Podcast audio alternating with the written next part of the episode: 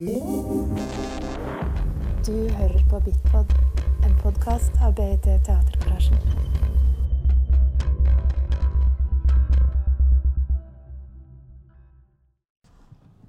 So it will uh, it will work like that. I will give a brief introduction in English because you don't want to listen to my Norwegian. But after that, is it okay if we take the discussion in Norwegian? Is someone that doesn't understand Norwegian? Good. Then I'm going to speak in English and then and then we can move to uh, Norwegian. Uh, there are four microphones. There are, uh, I don't know exactly how many, one, two, three, four, five, six, seven, eight students from uh, the master course Centralbadet from the Bergen Architectskolen, Hochskolen. And then we have three guests from the, from the city, Per Morten Ekkehoft, uh, Tor Tormod Carlsen and Maria Molden. They will introduce themselves and their role uh, in Bergen very quickly. And then, since it's a debate, we will keep it as a debate. So, if someone has some question, pick up a microphone and ask. When it's finished, brings back the microphone so that someone else can pick up the microphone. Uh, yeah that's, that's for the rules of the game. About the course, very quickly,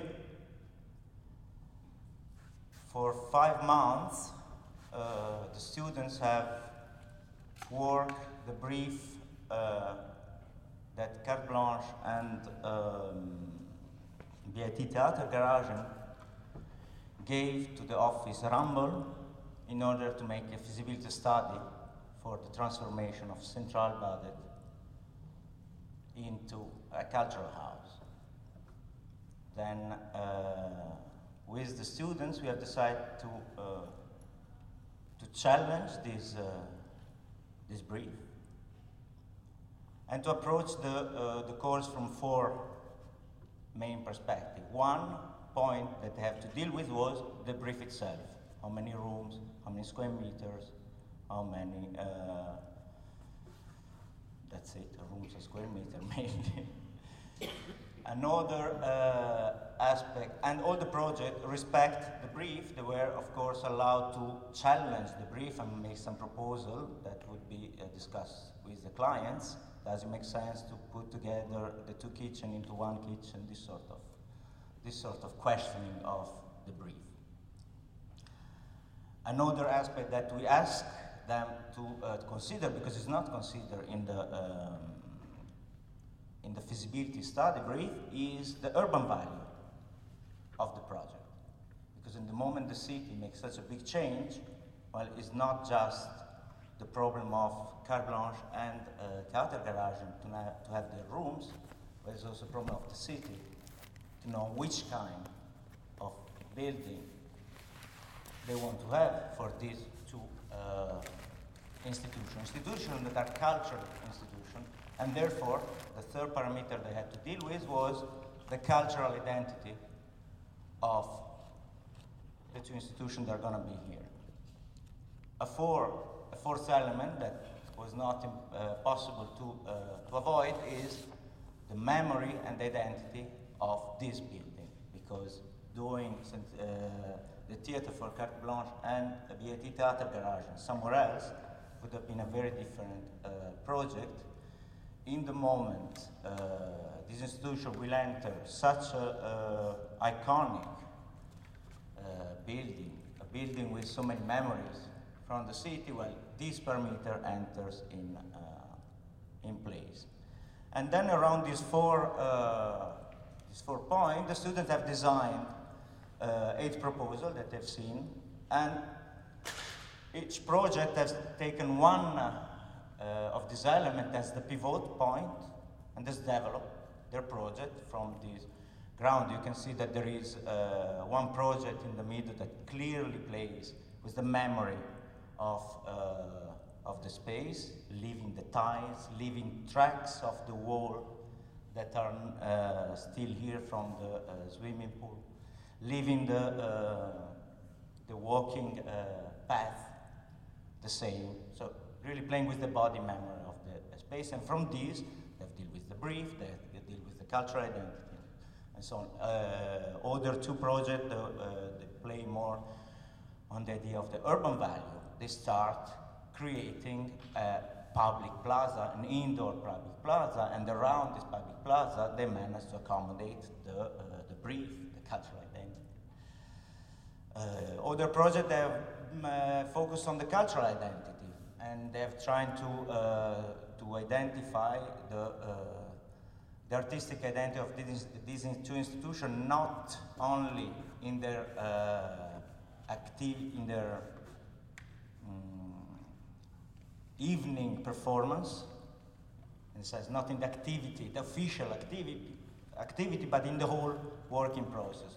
And three projects have made of the possibility of the visibility and transparencies of the whole production process behind the evening event that we normally see when we go in a theater, the center of their project. So then we can discuss further uh, what is the main thing, but the idea of the um, of the, of the, of the whole course was to try to discuss further. We, we somehow did a bet in January uh, asking uh, Theater Garagen and uh, BIT to, uh, to play with their uh, brief, and apparently the bet was not wrong because during the course it turned out that this will be a case, and somehow we, we arrived in the middle of, uh, of this process more prepared than we would have expected.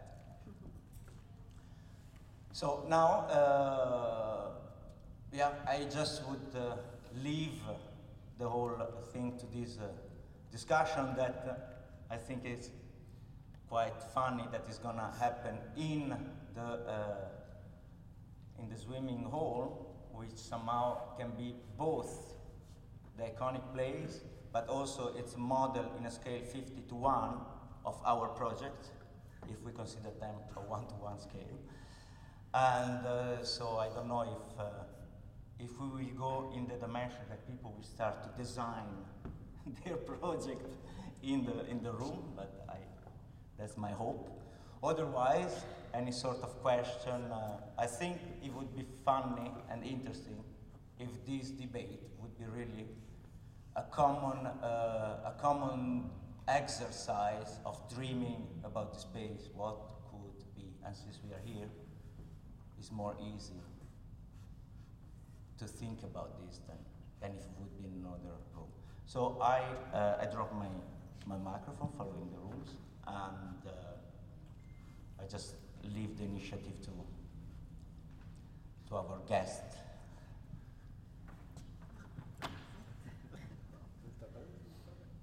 It's gonna be a couple of minutes of tension, don't worry, it's gonna, it's gonna pass.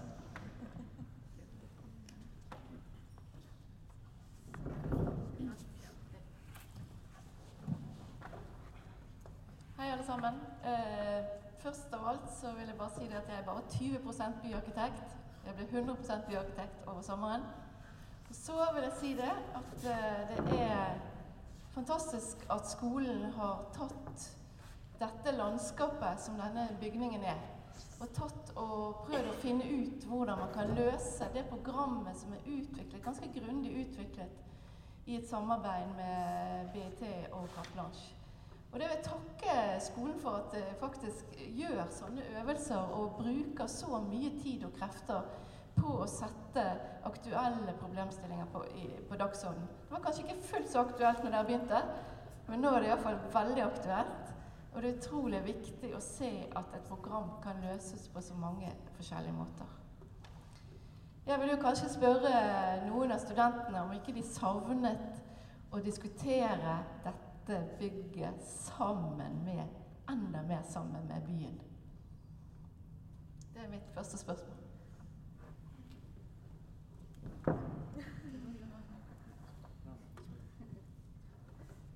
Ja, kanskje. Um, men det har jo vært Vi begynte jo eh, prosessen med å reise til New York for å se på teater. Og bare lære om hvordan teater eh, fungerer, samtidsteater. Og så satte vi opp en forestilling sammen med Teatergarasjen på Verftet. Og da begynte vi allerede å få mye, mye respons. Mange fra som kom for å se på. Og etter det så skiftet vi jo veldig modus og bare måtte tenke knallhardt på hvordan vi skulle få plass til alle disse tingene som de ville ha inn i bygningen. Inn i bygningen. Um, så jeg tror jo Vi har jo egentlig hele tiden hatt en, en dialog med, med, byen, men det er klart du kan alltid ha mye mer. Det er lett å bli litt isolert når du sitter på arkitektskole, kanskje. Um, så litt ja og nei, men um, ja, Vi har kanskje jobbet fra innsiden og ut. Ja. Vi har kanskje jobbet fra innsiden, uh, midten og utover, og kanskje ikke nådd langt nok ut. Uh, fordi at i dialog med klientene, som er BIT og Carte Blanche, så har jo de hatt mange ønsker. Og vi har jo selv også hatt mange ønsker etter å ha opplevd å være på innsiden av et teater uh, og bygge en forestilling. da. Uh, så kanskje vi ikke rakk det langt nok ut, rett og slett. Jeg tror, jeg for min del så Etter teaterforestillingen så hadde vi en periode der vi bare fokuserte veldig på program og på oss. Og så kanskje siste tiden ut mot utstillingen har vi kanskje klart å åpne fokus litt igjen. Eh, men, men, den prosessen kunne vi kanskje gjort tidligere og gjort enda mer. Jeg spør jo fordi at jeg tenker at dette, et, eh, dette skal jo bli en eh, kulturarena. Hvis finansiering og alt kommer på plass, så skal det bli en kulturarena for Bergen by. Og da skal ikke bare et program for brukerne tilfredsstilles, det skal det i hovedsak gjøre.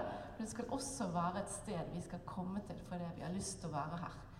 Og jeg ser jo det at det er utrolig mange som er blitt grepet av dette rommet. Og det er fantastisk eh, det rommet vi sitter i. Og vi drømmer kanskje om å ta vare på det helt fordi at eh, det har sånn styrke i seg. Og mange har brukt det nå mens det har vært ledig. Sant? De har brukt det til å se det på, hvordan det kan påvirke forestillinger og og attraktiviteten rundt eh, det rommet her. Men eh, som byarkitekt så, så, er jeg jo en del av kommunen. Så jeg vil hele tiden prøve å se hvordan vi kan få et så stort løft, eh, både økonomisk og, og muligheter, til å tilfalle enda mer et styrket eh, destinasjon her i området. Så det ville være viktig for meg som, som byarkitekt. Og prøve å få til eh, det å få belyst dette gjennom en ordentlig arkitektkonkurranse.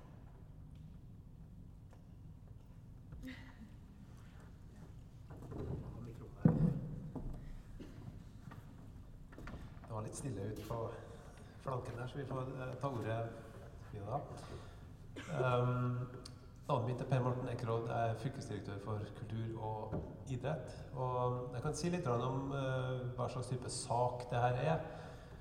Og Sentralbadet er en av de aller, aller viktigste kulturpolitiske sakene som har uh, vært håndtert både i kommune og hos oss i fylkeskommunen og i staten på mange, mange år. Det er to viktige institusjoner som uh, står uten kjennelige lokaler. Og så ser jeg det, det sitter to teatersjefer her, og det sitter mange dansere. Og mange av eh, oss andre har jo vært uh, gjest i Studio Bergen. Sant? Opp med hånda, de som har vært og sett i Studio Bergen.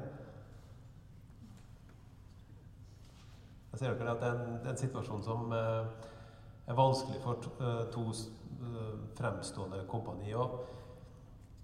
Som sak så er det dels arkitektur, og det er jo det som alle sammen har adressert på kurset. Eh, det har òg vært eh, diskutert i et forprosjekt som eh, dere sikkert kjenner til, som er gjort av Rambøll i samarbeid med de to institusjonene, der man har gått langt inn og drøfta romprogram, behov, laga skissemessige forslag til løsninger. Og det kommer ganske langt. Men samtidig så må jeg si det at å se alle de fine modellene, de, de fine forslagene som står oppe her nå på repoet, var helt fantastisk. at man har oppdaga nye ting og nye muligheter for å utnytte den eksisterende bygningsmassen.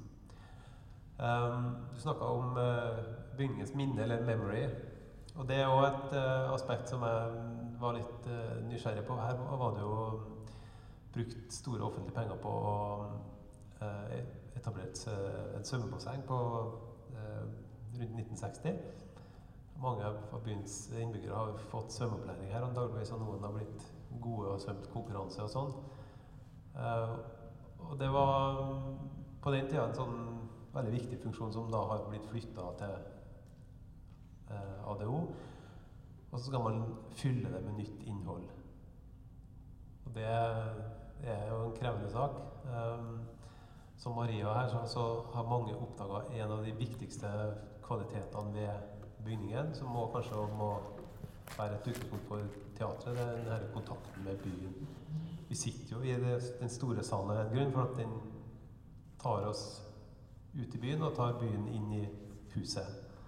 Veldig bra. Så det kan jo eh, gjerne kommentere videre hvis det, dere føler for det. Ellers så har det vært fristende å spørre eh, korte kommentarer, eller få korte kommentarer fra de to teatersjefene Homan Sharifi og Svein Åge Birkeland på eh, romprogrammet og hvordan de praktiske tingene er løst. Dere som sitter og skal drive teater og sette opp eh, danseoppsetninger, vil jo være opptatt av å ha tjenlige lokaler. Det skal fylle eh, behov for sceneplass. Kunstnerne skal ha garderober. Publikum skal ha fornuftige lokaler å komme inn. Det skal, det skal fylle en funksjon. Det skal ikke bare være eh, et flott kulturbygg. Så det er jeg litt spent på å få noen kommentarer på etter hvert.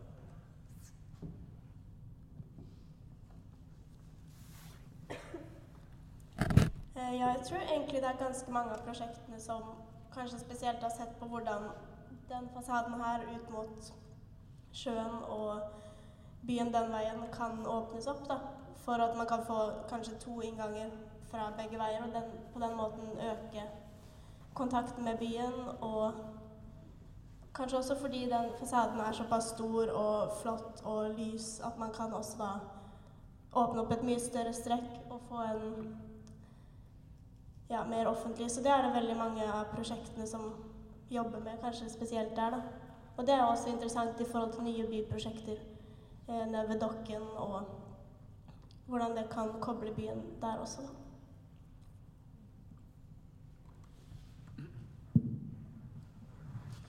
Ja, Mitt navn er Tormod Karlsen, og jeg er leder for noe som heter Bergen Byliv, som er en paraplyorganisasjon for alle velforeningene i Bergen sentrum. Eh, før det så var jeg 20 år leder for Sydnes og Nøste velforening, som var den som da hører med til Sentralbadet. Og kan du si at et av de stuntene vi hadde i velforeningen når de stengte Sentralbadet, det var at vi med TV 2 som filmet, eh, tok, også, tok ut 24 flasker med badevann. Så hvis det kommer vann igjen i bassenget, så har vi litt vann liggende. Det er ellers en veldig populær gave å gi vekk, da, som, som velforeningsarrangementer. Like før jul så var det en teaterforestilling oppe i uh, vis-à-vis uh, Sparebanken Vestbygget. Uh, og det var en teaterforestilling som noen bare hadde laget for gøy. Litt BIT-inspirert. Og jeg hadde gitt det tittelen uten at jeg visste det. Den het 'Du skal, se, du skal kunne se liv'.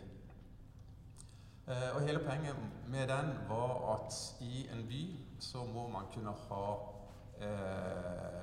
levende fasader. Det må kunne være liv der. Og det er vi veldig opptatt av. Og det er på en måte litt av det som har vært drivkraften i velforeningsarbeidet og i Bergbylysets arbeid hele veien. At vi ville ha en kommuneplan som uh, gjør at man ikke bare kan sperre igjen fasadene. Altså Utbyggere skal kunne bare gjøre som de vil med første etasje. Man må ha butikker der. Uh, man skal ha åpne vinduer. Det står i kommuneplanen, men har aldri fulgt opp. Uh, og kontrasten blir da på en måte til Sparebanken Vest-bygget, hvor man kan se spor av liv. Det er en svær, svær eh, sånn eh, eh, Nærmest et basseng, da, egentlig. Et akvarium. Sant? Hvor folk sitter og spiser lunsj fra 11 til halv 12, og resten av døgnet er det tomt. Og så har vi da dette som er et tilsvarende mye større vindu.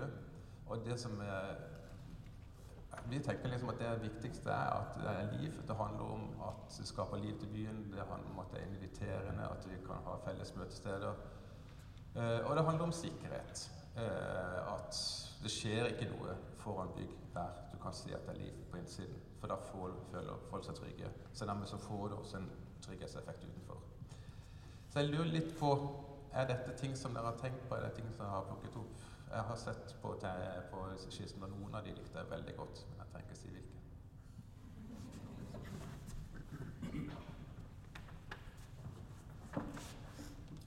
Eh, hei, mitt navn er Øyvind. Jeg har jobbet på en av modellene oppe. Når du, jeg kan gå først tilbake til deg da, når du snakker om at liksom, det er et formål som skal fylles. Uh, funksjoner som skal uh, tilfredsstilles, og gjerne kjedelige rom, som du refererte til. De vi har jo jobbet veldig pragmatisk på den måten. da. Og sånn som vi gjorde, var at hvis det er noen rom i dette bygget som skal bevares, så er det absolutt dette. Eh, så det var første steget vårt. Andre steget var vi har to kjempestore volumer vi må plassere. Og da blir eh, Det som trenger mest takhøyde, det gikk opp i andre etasjen. Det som trengte minst, det går under her, så selve bassenget. Eh, så på en måte hele konseptet med de fleste ut av modellene og forslagene til studentene er veldig pragmatisk og for å oppfylle krav. Da. Eh, og arkitektur blir arkitektur når det beveger deg, så rommene kan absolutt ikke være kjedelige. på en måte. Og så, ja, så var det videre til det som jeg tok mikrofonen for, da. med liv i bygget og sånn som dette. Og sånn som i vårt forslag, så har vi langs hele gaten her bak så eh, har vi tenkt at det da skal være workshop, workshop rooms og eh, mulighet til å se det daglige livet i, av bygget. Ja, veldig bra. For jeg tror, um, selv om vi prater mye om romprogram, tekniske ting som faktisk er det som tar veldig mye tid når du setter deg ned og jobber med noe, så tror jeg um, på en måte den ambisjonen stort sett alle har hatt når vi startet med dette prosjektet, og hele tiden har hatt i bakhodet, er nemlig at ved siden av å være teaterbygg, så er det også eh, Sentralbadet i dag et slags tomrom på nøstet. Um, som på mange måter forhindrer litt i mange å skape det livet som hele tiden prøver å, å på en måte å, å gå fast på nøstet. Litt det samme som eh, Sparebank Vestbygget, der du har Jonserskvartalet kanskje en av de mest spennende gatene i Bergen. Med en liten skobutikk, en paibutikk, en brudebutikk. Så utrolig mange forskjellige rare ting som skjer. Og så har du en fasade på motsatt side der som ikke skaper noe slags interaksjon, som ikke gir noe friksjon eller noe grunn til å stoppe opp. Og det er litt det samme som skjer når sentralbadet nå er tomt. at det gjør det vanskelig for liv å fortsette ned mot nøstet. Um, så, og selvfølgelig, det er en viktig bygning i minnet til Bergen. Det er en viktig bygning um, for min generasjon og for min, mine besteforeldre sin generasjon. Um, så jeg tror vi har jobbet mye med identitet i Carte Blanche, mye med identiteten til BIT, mye med romprogram og tekniske ting, men hele tiden har vi alle hatt en, eh, en urban ambisjon i, i bakhodet eh, som vi aldri på en måte har helt gitt slipp på, selv om vi har brukt mye tid på andre ting også.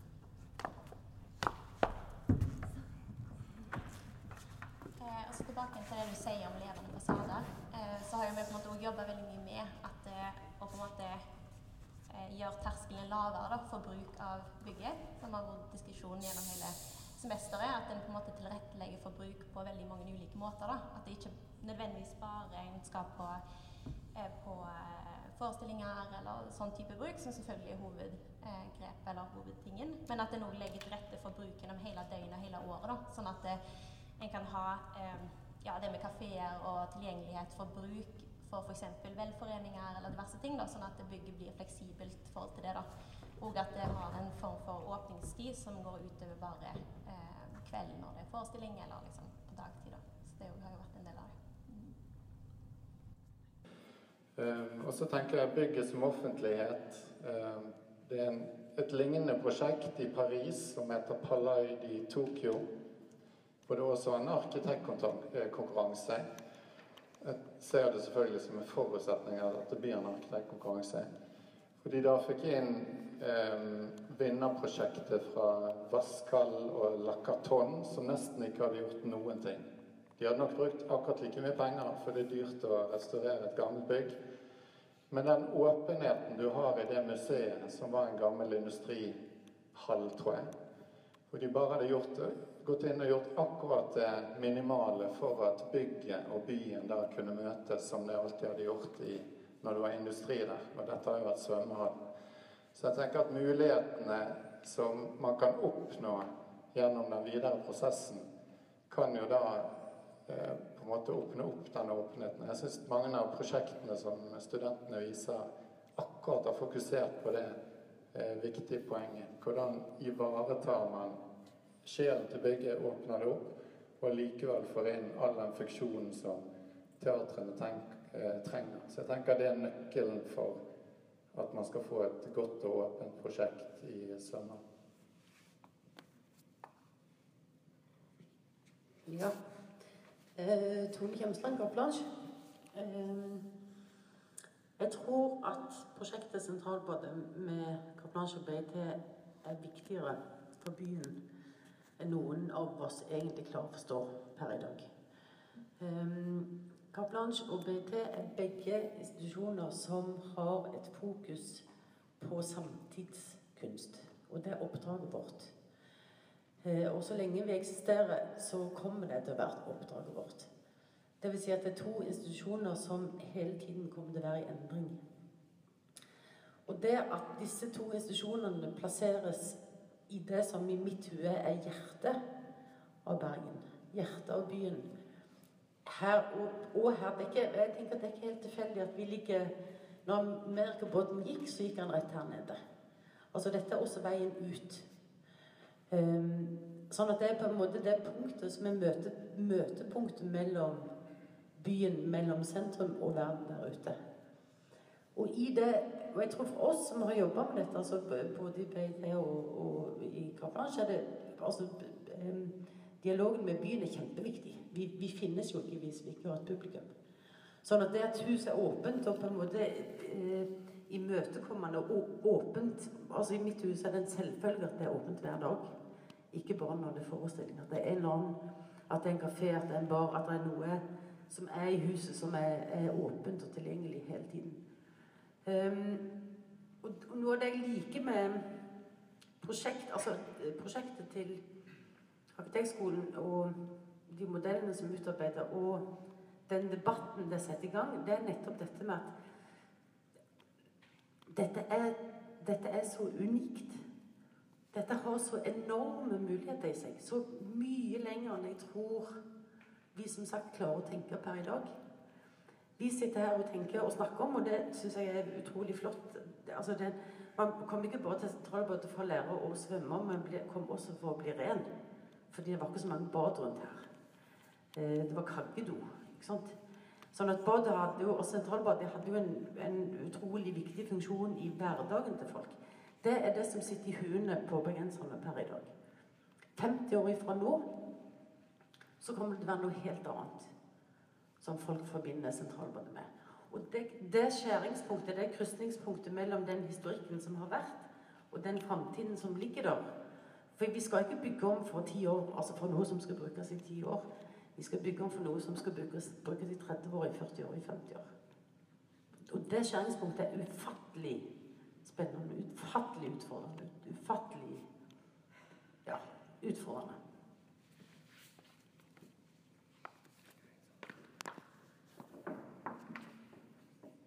Kunne bare tenke meg å utfordre litt på noe som mange av dagens unge har et forhold til. Eh, ikke å ta svømmeknappen her, men å debutere på veggen.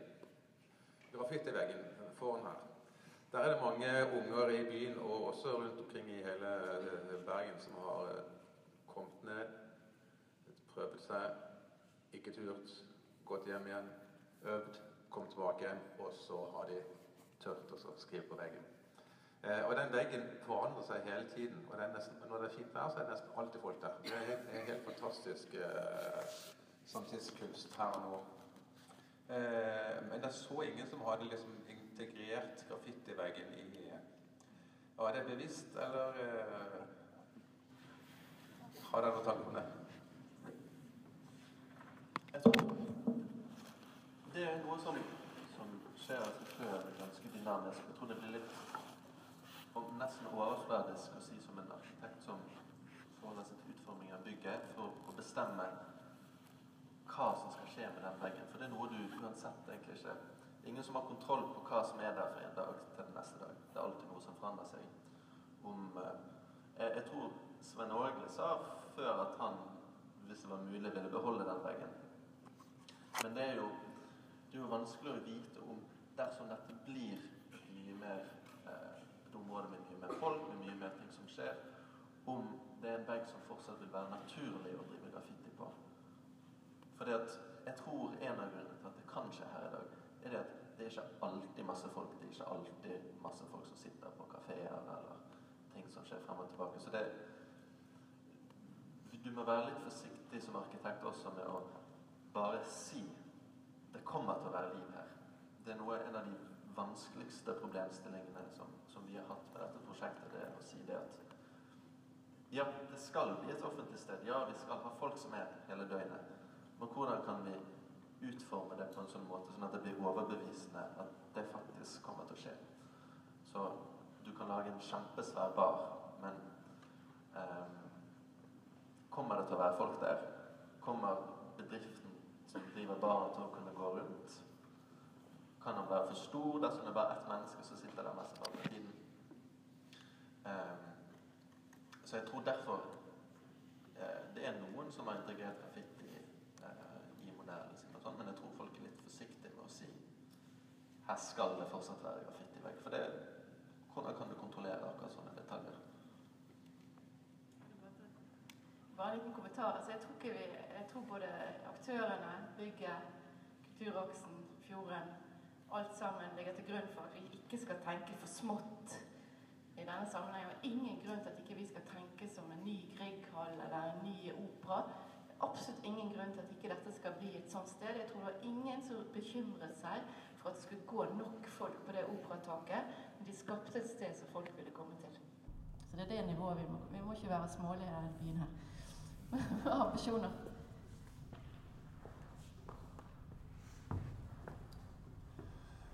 Jeg heter Lars Pedersen. Jeg er eh, leder i Bergen Arkitektforening og eh, leder i Mad Arkitekter i Bergen. Takker alle sammen for en fantastisk flott utstilling. Kjempe, kjempefint å se på. Følg opp det som Maria sa med disse modellene, så var det så klart og tydelig å se hva dere hadde tenkt, og ikke bare rendringer. Men altså her kan man faktisk åpne opp og se inn. Veldig, veldig flott. Um, det er et par, par poenger som eh, jeg personlig og for så vidt Arkitektforeningen er opptatt av. Um, men først vil jeg snakke litt om det med midlertidighet. Altså, eh, kom nylig tilbake fra Berlin. Der er det mye ledig areal midt i byen. Um, hvor det skjer utrolig mye spennende ting. Det å ha så mye ledig areal som dette bygget representerer, det er jo en utrolig unik situasjon å være i. Det er en sjelden situasjon å være i eh, i eh, hva skal jeg si, oppegående, eh, industrialiserte land, vil jeg nesten påstå. Um, Detroit har mye ledige bygg. Bergen har nesten ingenting. Men dette er på en måte et av de få interessante, spennende, tomme byggene med store muligheter som vi har hjemme i sentrum. Så eh, jeg vil i hvert fall berømme eh, både altså alle initiativtakere til å ta bygget i bruk mens vi venter. Det er en utrolig fin ting. Og det er noe vi har altfor lite tradisjon for i Norge. Det er liksom å ta ting i bruk og ikke være så redd for alle mulige lover og regler og forskrifter mens vi venter. Og det syns jeg er en fantastisk ting, og det inspirerer veldig å se alle de mulighetene dere også har sett uh, i, i dette bygget. Eh, og så har jeg lyst til å komme litt inn på det som han i Velforeningen her pekte på, som eh, også har vært eh, en sånn kjepphest for oss, og det er bygulvet. Altså hva skjer på, på gateplan. Eh, og det er kanskje en av de største utfordringene veldig mange kulturinstitusjoner eh, har per i dag. Spesielt de som er finansiert eh, fra Statsbygg. de som kjenner planene for nye Nasjonalmuseet for kunst på Vestbanen i Oslo, kjenner kanskje til at der er det planlagt en 150 meter lang betongfasade, mer eller mindre, eh, ut mot gata. Og det er rett og slett et nitrist område eh, å passere gjennom. Eh, akkurat mellom Aker Brygge og eh, Kunstmuseet. Eh, så, så, den utfordringen der, den tenker jeg vi må lære av eh, hva skal jeg si, våre feil i denne byen her, og gjøre ting bedre med nettopp dette bygget her. Men det er alltid en utfordring når alle aktørene tenker på seg og sitt. Eh, og jeg vil ha det arealet der og det arealet der.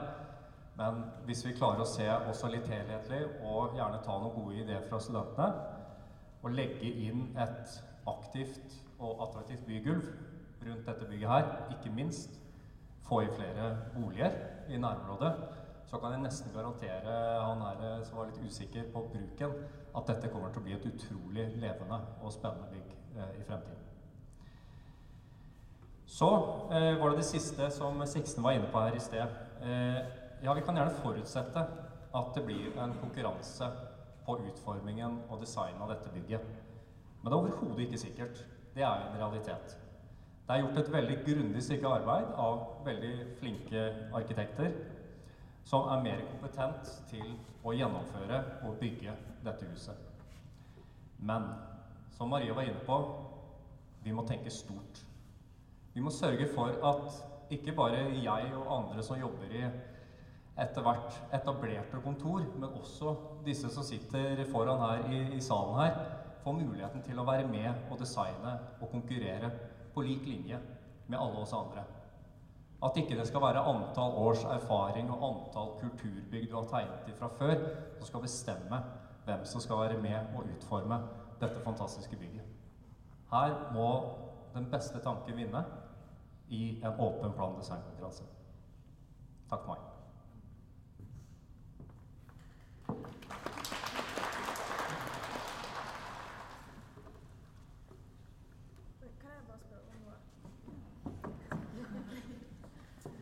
Ok, Bare til akkurat det. Hvordan er det mulig at det ikke er en konkurranse? Altså, Er det noen som kan svare på det? Hvordan, hvordan er ikke det liksom det mest naturlige? Hvordan prosessen ja, hvordan, som bestemmer Hvem har kommet frem til at ok, Rambøll har fått dette oppdraget, eller de har ikke fått det ennå, men de har begynt. Og så Det er jo ikke låst, selvfølgelig, men det er jo et spørsmål, man kan jo sette spørsmålstegn ved hvorfor det ikke er en mer åpen konkurranse allerede. Ja. For å si det sånn, så har vi en arkitekturpolitikk her i byen.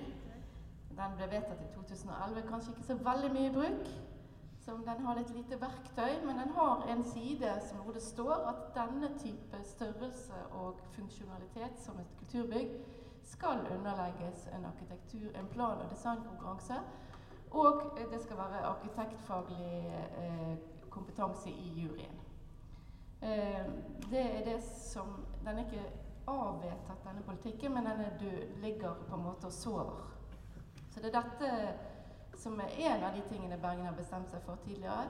Men det er klart at her er det jo en del ting som skal på plass. Rambøll har gjort et mulighetsstudie som de har fått på en rammeavtale, sånn som jeg, jeg, tror de har. Eh, jeg kan faktisk ikke si det helt sikkert, men de har en, en rammeavtale hvor de skal gjøre en undersøkelse av hva dette bygget kan eh, Hvordan det kan oppfylle de kravene som de to aktørene trenger. Og så derfra så kan du snakke litt, Per Morten. Jeg skal komme med en skikkelig sånn byråkratavrydning på det spørsmålet. Det, det som, som, Maria sier, alle, alle ser vel at man kunne vært tjent med å ha en åpen konkurranse for å avgjøre et uh, så viktig bygg. Um, Foreløpig er det et av de mange spørsmålene som ikke er tatt stilling til.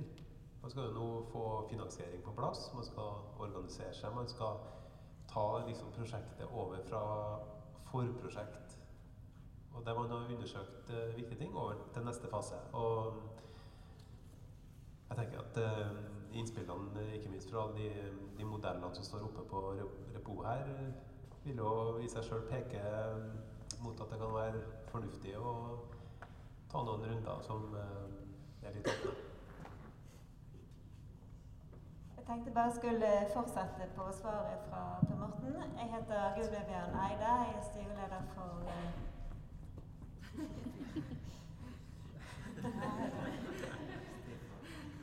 Jeg er styreleder for BT Teatergarasjen, eh, og jeg er også tidligere leder for Bygningsrådet i Bergen som politiker.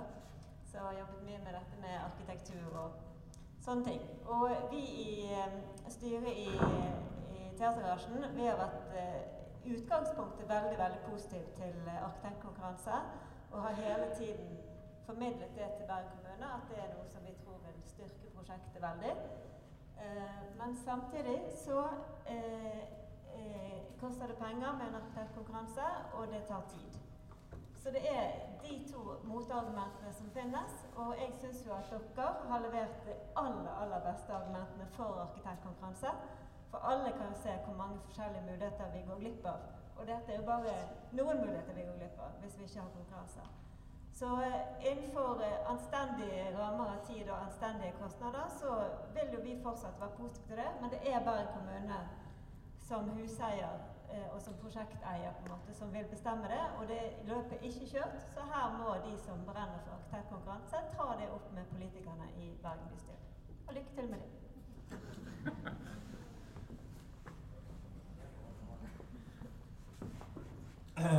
Bare kort uh, replikk til det. Um, Altså, det er to helt motstridende argumentasjoner her.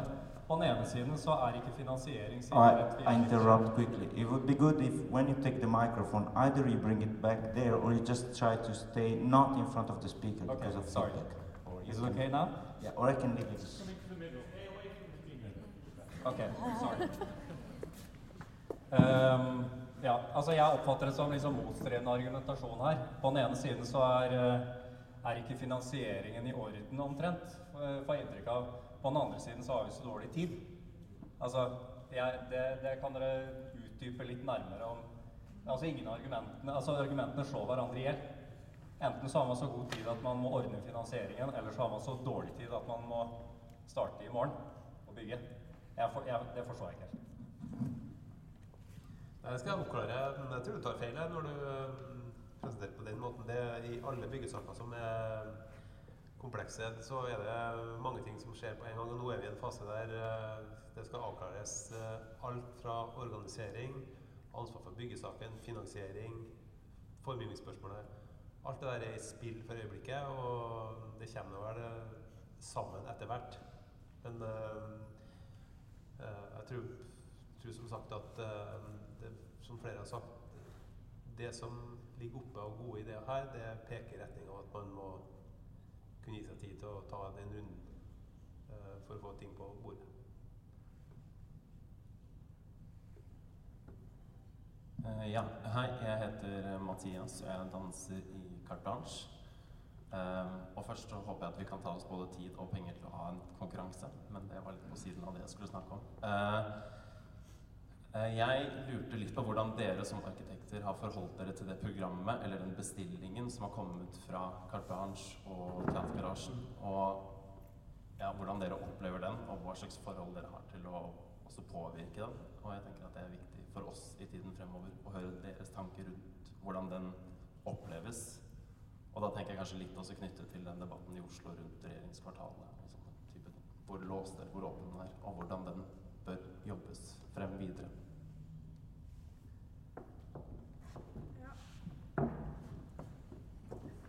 Skal jeg svare? Um, det er, og det jeg har forstått, så har eh, de ulike prosjektene her oppe tatt uh, ja, Noen har fulgt det programmet vi har fått, ganske til punkt og prikke. Og så har ganske mange òg på en måte satt spørsmålstegn ved ganske mange av de rommene da, og romprogrammet. Eh, er det mulighet f.eks. å slå sammen noen rom? Er det, er det, mulig å gjøre noen rom større og krysse av eh, de andre rom? Eh, jeg vet i hvert fall med, med, det prosjektet jeg har holdt på med, så har jeg tatt veldig utgangspunkt i de som jobber her først og fremst. Altså de som er, er her hver dag. hvis de har da lyst på 30 kvadrat med, med, garderobe. Hvordan på en måte Ja, kan man da gjøre det mindre? Kan man ikke gjøre det mindre? Eh, hvordan er det på en måte for folk å, å jobbe her eh, hver eneste dag? Eh, og hvilke type rom er det man da trenger. men selvfølgelig noen rom og det tror jeg egentlig de fleste av prosjektene her har, har gjort at, at de har på å ta mange av rommene eh, sammen. Eh, eller flytte, flytte, noen ut av programmet på, rett og slett pga. at, at uh, man ser at uh, hvis man gjør et rom større, så er det ikke brukt for, for noe annet.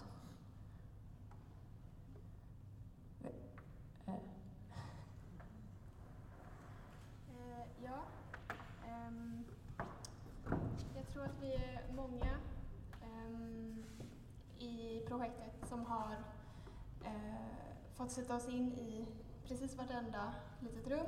Eh, vi har fått en lång lista med program. Eh, mycket såklart önskemål och, och eh, en idealbild av vad vi, vad vi kan åstadkomma. Men som ni säkert har sett på alla, alla åtta förslag så har många eh, velat hålla sig inom eh, det befintliga bygget Många har, eh, har verkligen eh, bearbetat arbetet med, med varenda liten, liten program um, och, och, kanske prioriterat um, en väldigt sammanhållen, um, sammanhållen byggnad där man håller, håller sig innanför ramarna. Uh, så att frågan är kanske kan hur kan de två kompanierna samarbeta så mycket som möjligt och kanske utveckla en, eh, så småningom en gemensam eh, plan? Och hur, hur tar man ställning till eh, alla de publika delarna? Kan man dra ner på det till förmån för fler omklädningsrum eller övningslokaler eller vill man ha in ännu mer publika områden? Och där tror jag vi alla olika förslag har tagit lite olika ställning men eh, eh, väldigt genomarbetat eh, program har det varit.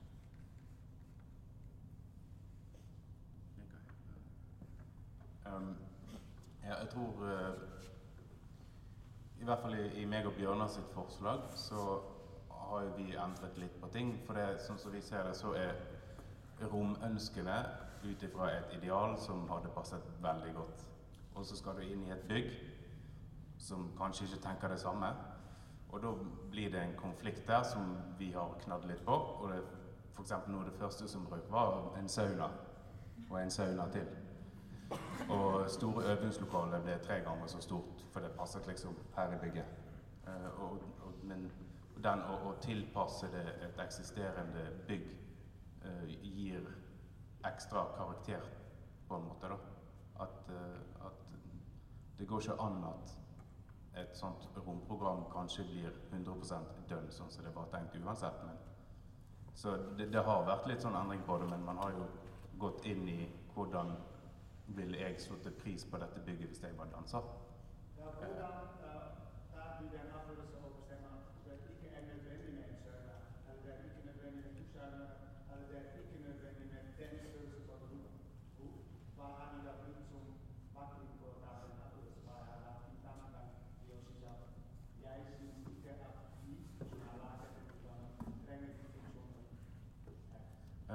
det var at det, det, begynte å bli konflikter da, i å fylle hele huset med rom innenfor den konvolutten som huset er i dag.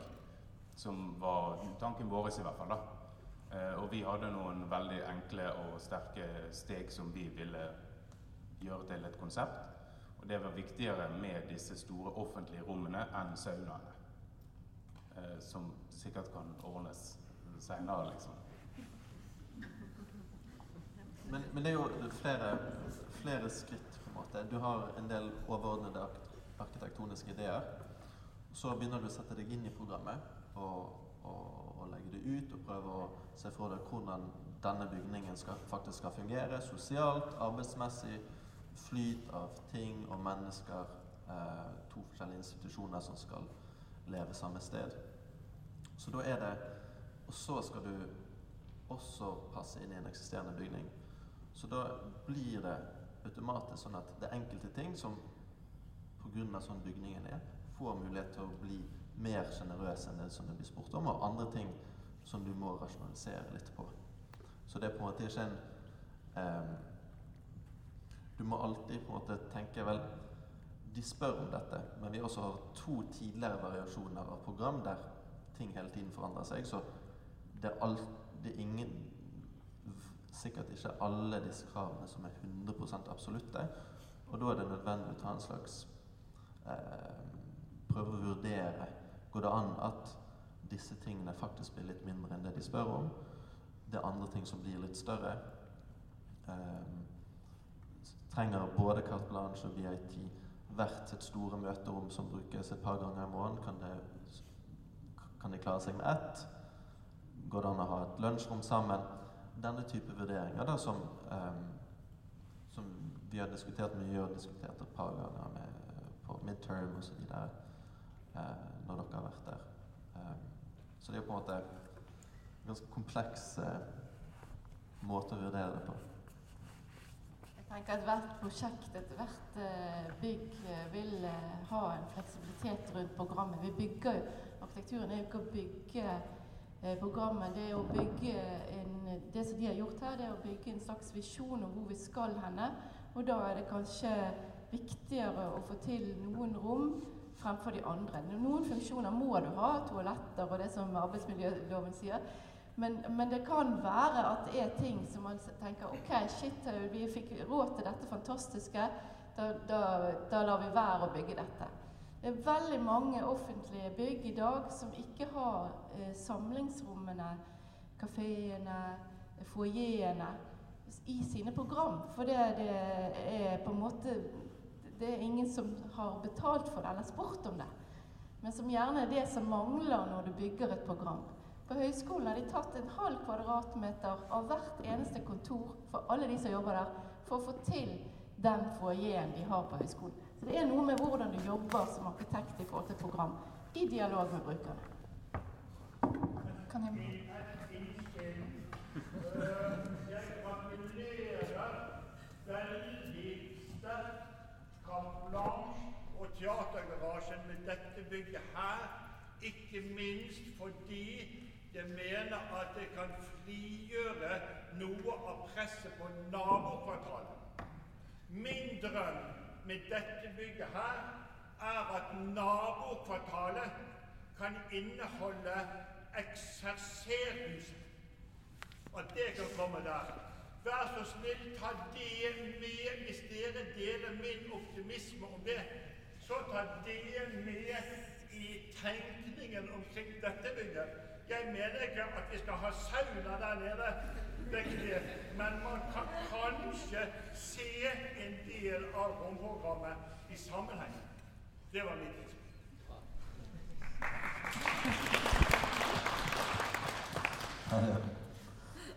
Hei. Homan Sharifi, teatersjef i Bransj. Uh, først tusen takk for dette her. Det er jo kjempefantastisk å se. Og det er akkurat det. Det er, det er sånn, når jeg begynte å se på det, så ble jeg veldig sånn Gikk en kjempekonflikt i meg med alt arbeidet man har gjort. Nå, nå, har jeg vært der i tre år, og noen har vært der lenger. Og Birgitte har jo også holdt på det enda lenger. Så jeg tenker det er liksom, Så ble det en slags en sånn kjempekonfrontasjon forhold til behovene. For det, det, er liksom, det må man ha veldig klart. Min tittel er sjef for Carte. Og jeg skal ta vare på den organisasjonen. Og det er egentlig det som også er for byen, rett og slett. Så det er sånn Så det må man så Yes, så det er, la det på side ganske kjapt. For ellers kunne ikke se nesten, hvis dere skjønner. Så jeg vil først og fremst kjempetakk, for det absolutt vrir tanken, og det er kjempegodt å se.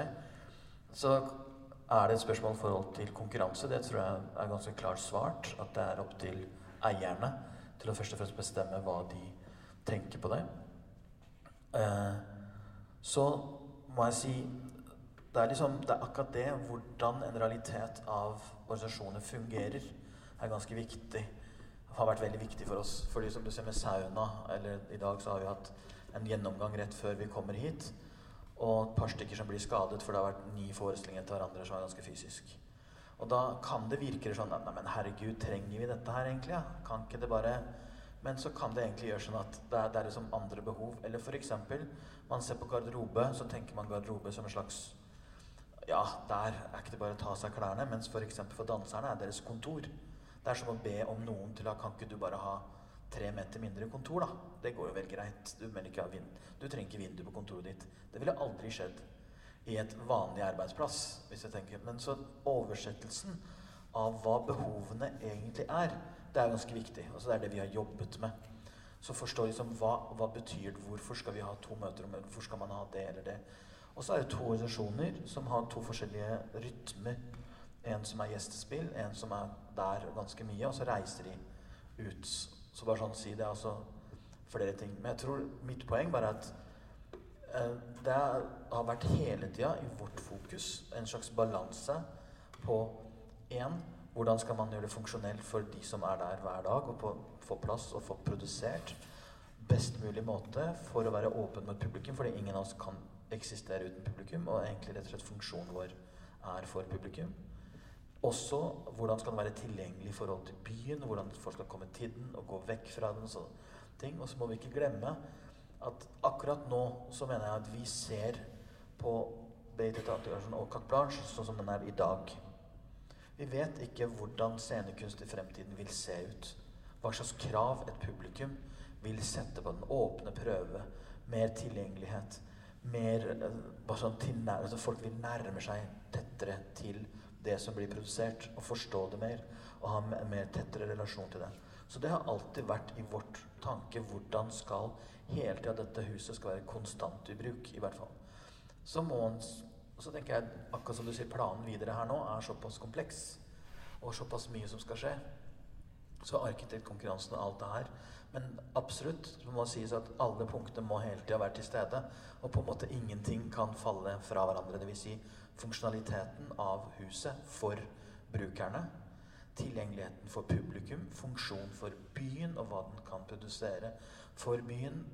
Så her tenker jeg Og selvfølgelig, må ikke glemme, nå skal vi ha en praktisk person, økonomien. Vi har fått en økonomisk ramme på dette her. Så det må man ikke glemme heller. Det er en økonomisk ramme som skal holdes. Så drøm er drøm, og så er det realitet som også kommer inn med kroner og alt det her sånn. Men mulighetene er absolutt der. Masse muligheter, og det viser dere frem på en utrolig bra måte. Så jeg vil først og fremst takke dere for at dere har gjort det. Og på en måte vrenge hodene litt og konfrontere på det. Det er jo fantastisk. Så takk.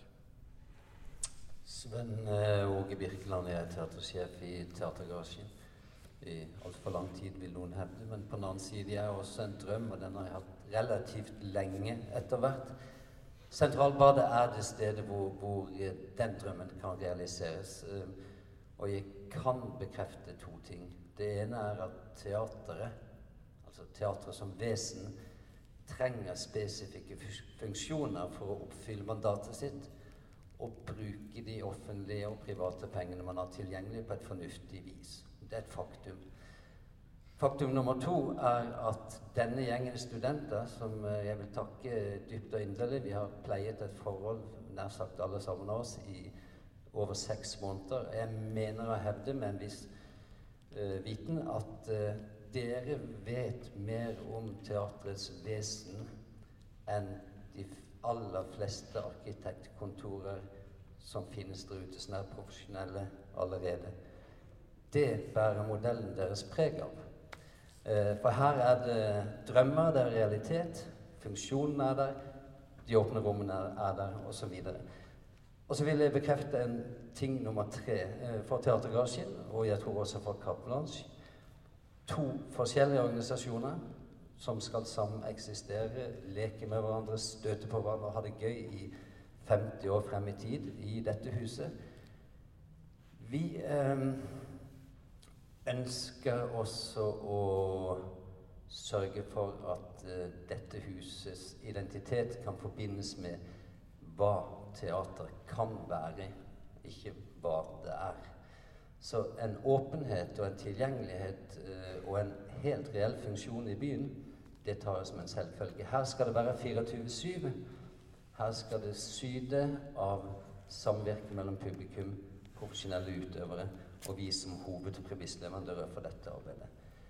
Så jeg tror vi, vi er inne på noe fint. Og tusen takk til dere.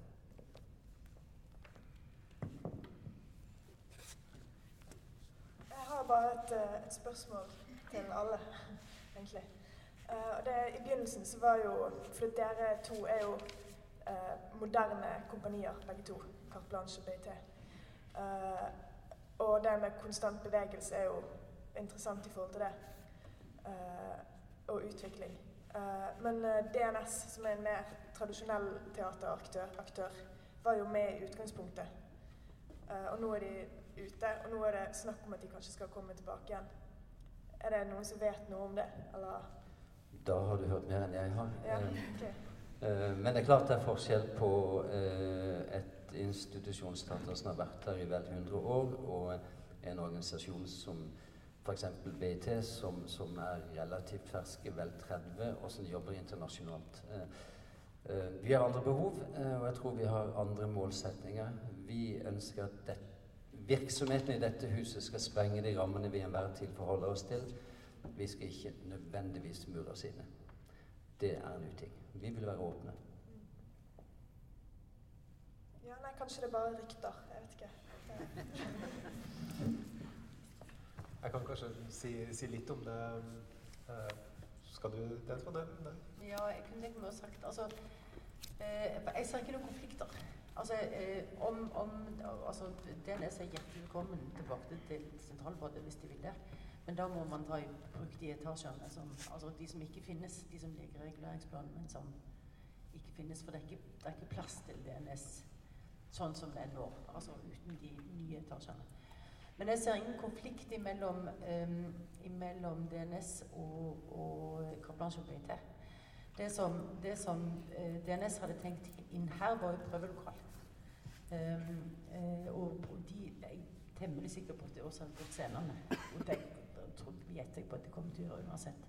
Men jeg ser ikke noen konflikter, for jeg tror at vi har samme Vi har helt klart ulik uh, kunstnerisk profil. Det har også Blanche og Breite, og skal ha. Uh, men i samarbeidet oss imellom i den hverdagen med å jobbe sammen i ønsket om å være åpen ut imot byen og ha en daglig dialog med byen, så jeg tror ikke det er noen konflikt mellom oss. Der tror jeg vi er helt på linje. Ja, det var jo bra oppsummert, men da har du kanskje utgangspunktet for neste oppgave til neste tilsvarende prosjekt. Da. Det er utvidelsen av DNS. Der er det Statsbygg som har tatt et stort ansvar for at staten er og en stor eier, så at de vil uh, kjøre et eget prosjekt uh, i eller ved uh, teaterbygningen. Dere har jo sett noen ting i avisa som er uttrykk for noen tanker om det, men det er det ennå ikke siste ord. Jeg har egentlig lyst til å spørre studentene, for i slutten av Svein Åge sitt innlegg her, så, så, kom du inn på det, det, siste spørsmålet i oppgaven. og det, det, er kanskje det som er vanskeligst å snakke om, nemlig kulturell identitet. Så er det ofte at institusjoner de blir prega av den bygningen de er i, og så blir bygningen da prega av den institusjonen som er i bygningen. Hvis folk alle har jo vært i Oslo ikke sant, og vet at uh, Den Norske operabillett ble et par hakk mer kul når de flytta i det Bjørvika fikk nytt hus. Er det noen som husker på hvor de var før? Ja. Det var på Operapassasjen. Ja, de var i Operapassasjen på Youngstorget. Inn bak der liksom ingen visste hvor det var. Det var jo et, sånn, et problem for dem.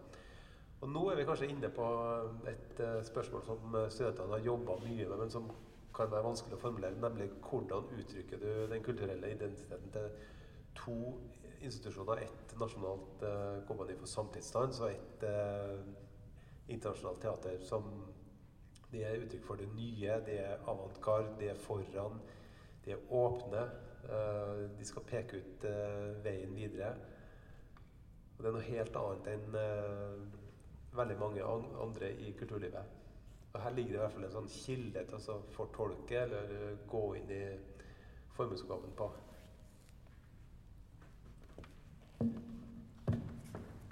Jeg tror faktisk det at det faktum at det er samtidskunst, um, og ambisjonen om å være så åpen og internasjonal, i forhold til innbyggerne i Bergen noen ganger faktisk øker terskelen for å besøke dem.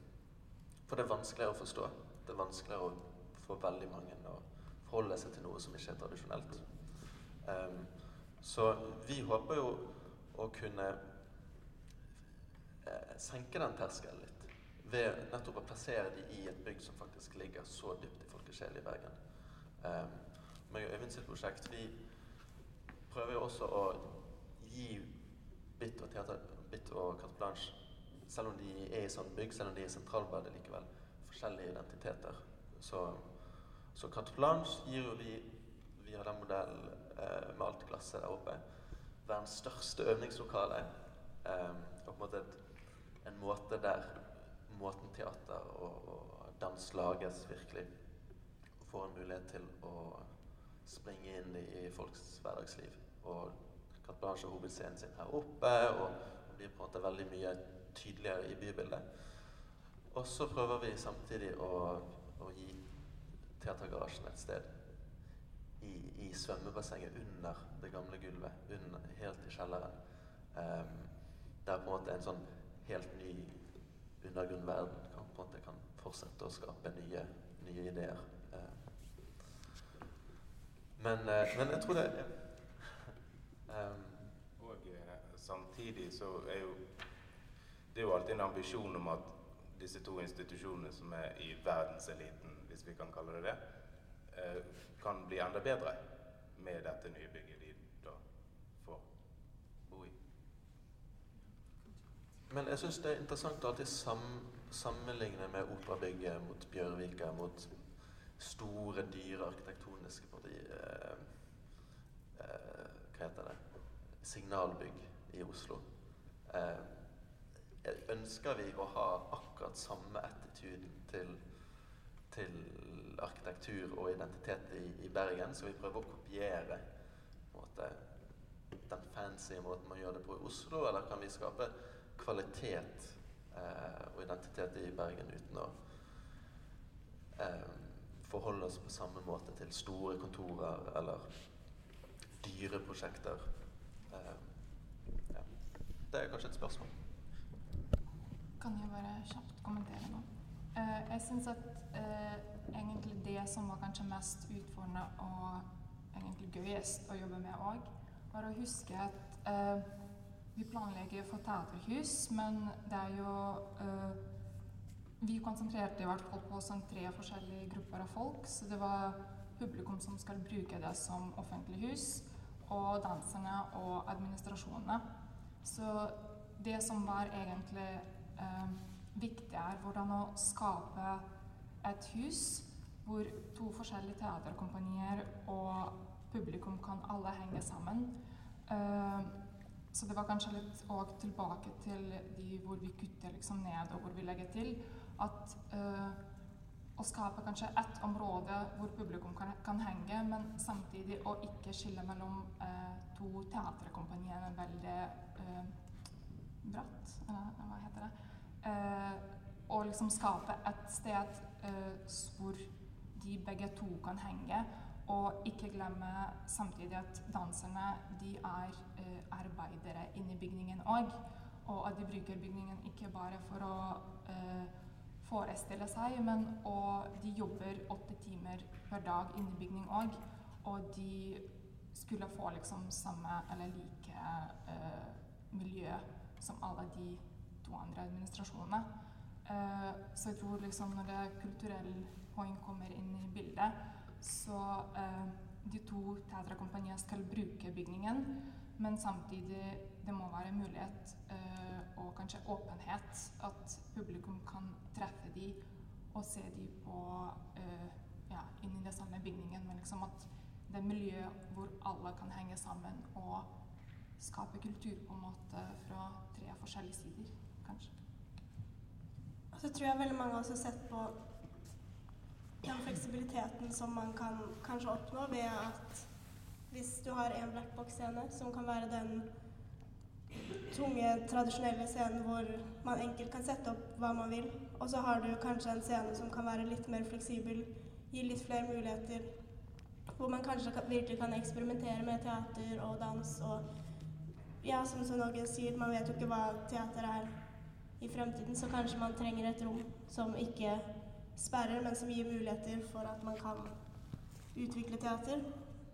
Og som også kan brukes kanskje som en folkefestarena eller et Jeg vet ikke bare for hvis man har lyst til å møtes i byen. Eh, så det er iallfall det jeg og Aust har fokusert på i vårt prosjekt der oppe.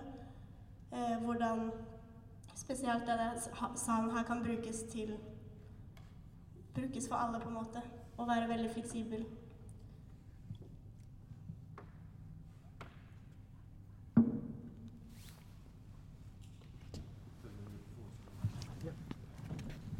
Hei, mitt navn er Kjell Hyldig fra Teatervitenskap. Er en fast en. En, en, gammel venn av både BIT og Teatergarasjen, den gang den fantes, og Carte Blanche, selvfølgelig. Jeg, har, egentlig bare lyst til å si et eneste ord, men du sa ordet fire eller fem ganger, og det er fleksibilitet. Jeg tror simpelthen man skal stille ordet fleksibilitet som den absolutte overskrift på det her prosjektet. Både fleksibilitet i forhold til hvordan øh, arkitekter kommer til å uttenke øh, planleggingen av huset innvendig, og selvfølgelig også i, om, i øh, det, det, beskriver også forholdet til omgivelsene, til byen.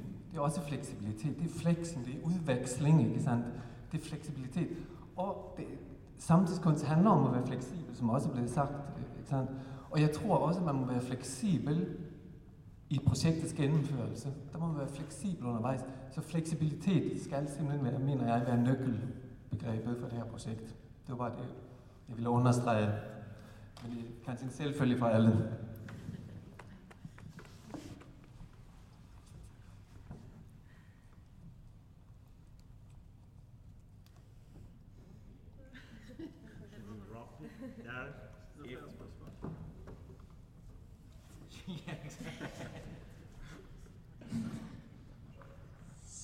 Last chance for for your question, or I think we've discussed for more than one half hour. But one uh, sister kommentar from uh, Kristin, but you have to walk a bit down because the microphone doesn't arrive that far. Or one. Det har vært veldig interessant å høre på hva dere har å si. Men jeg tror de aller fleste her er enig i at vi ikke kan akseptere at det tar for lang tid, eller at det er for kostbart med en åpen konkurranse. Så hvis det betyr at noen må banke hardt i noen bord, så er det bare å starte.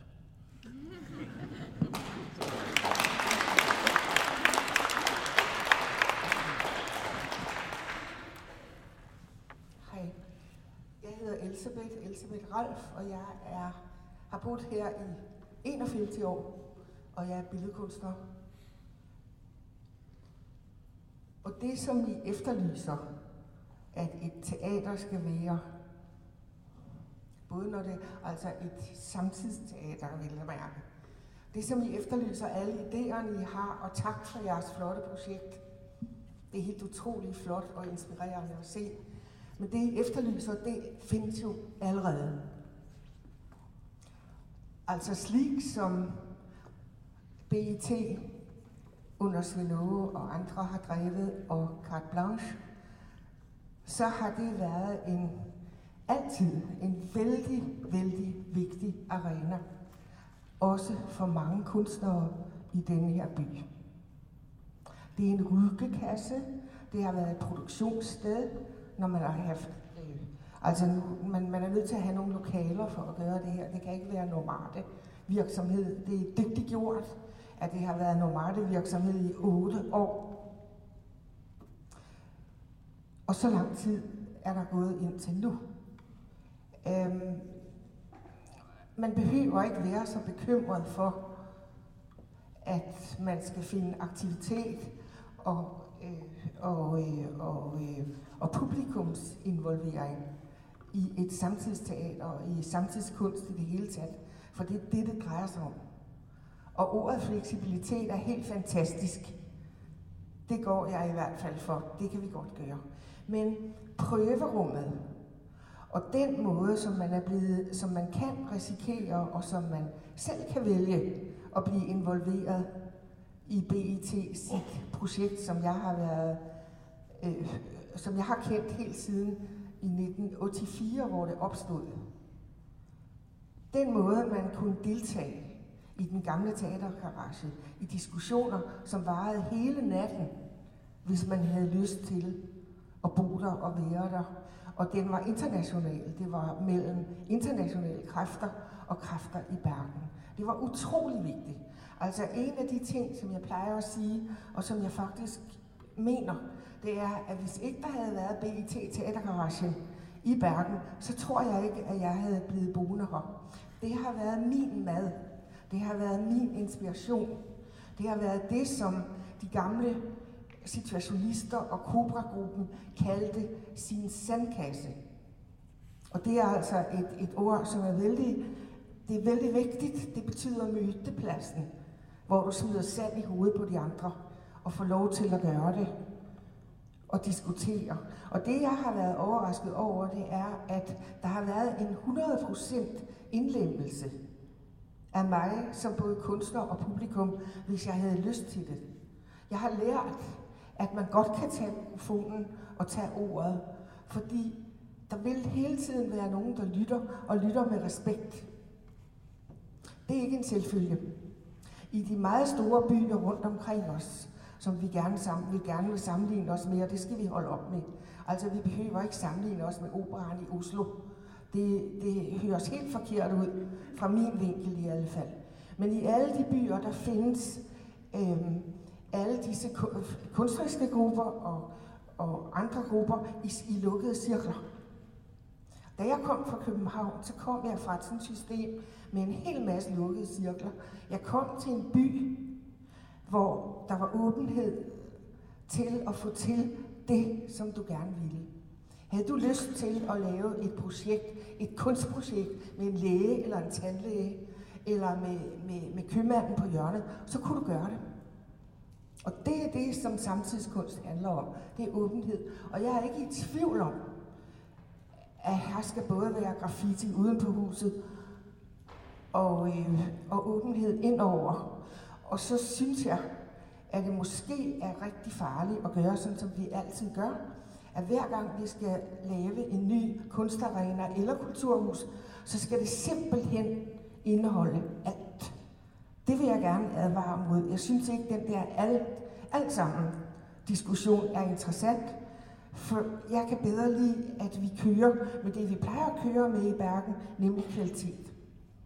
Så jeg krydser mine fingre, og mit højeste ønske er at få et hus et sted, hvor tingene kan samles, hvor man igen kan være hele natten og få til projekter, som kan foregå rundt omkring i verden. Og det har jeg erfaring for, at vi har fået til, og jeg har fået lov at være med. Så jeg er dybt taknemmelig, og jeg håber, for nu er jeg en ældre dame, jeg håber fandme, at jeg når at se, at det kommer op og stå. Så I må skynde jer nu. Vi har travlt.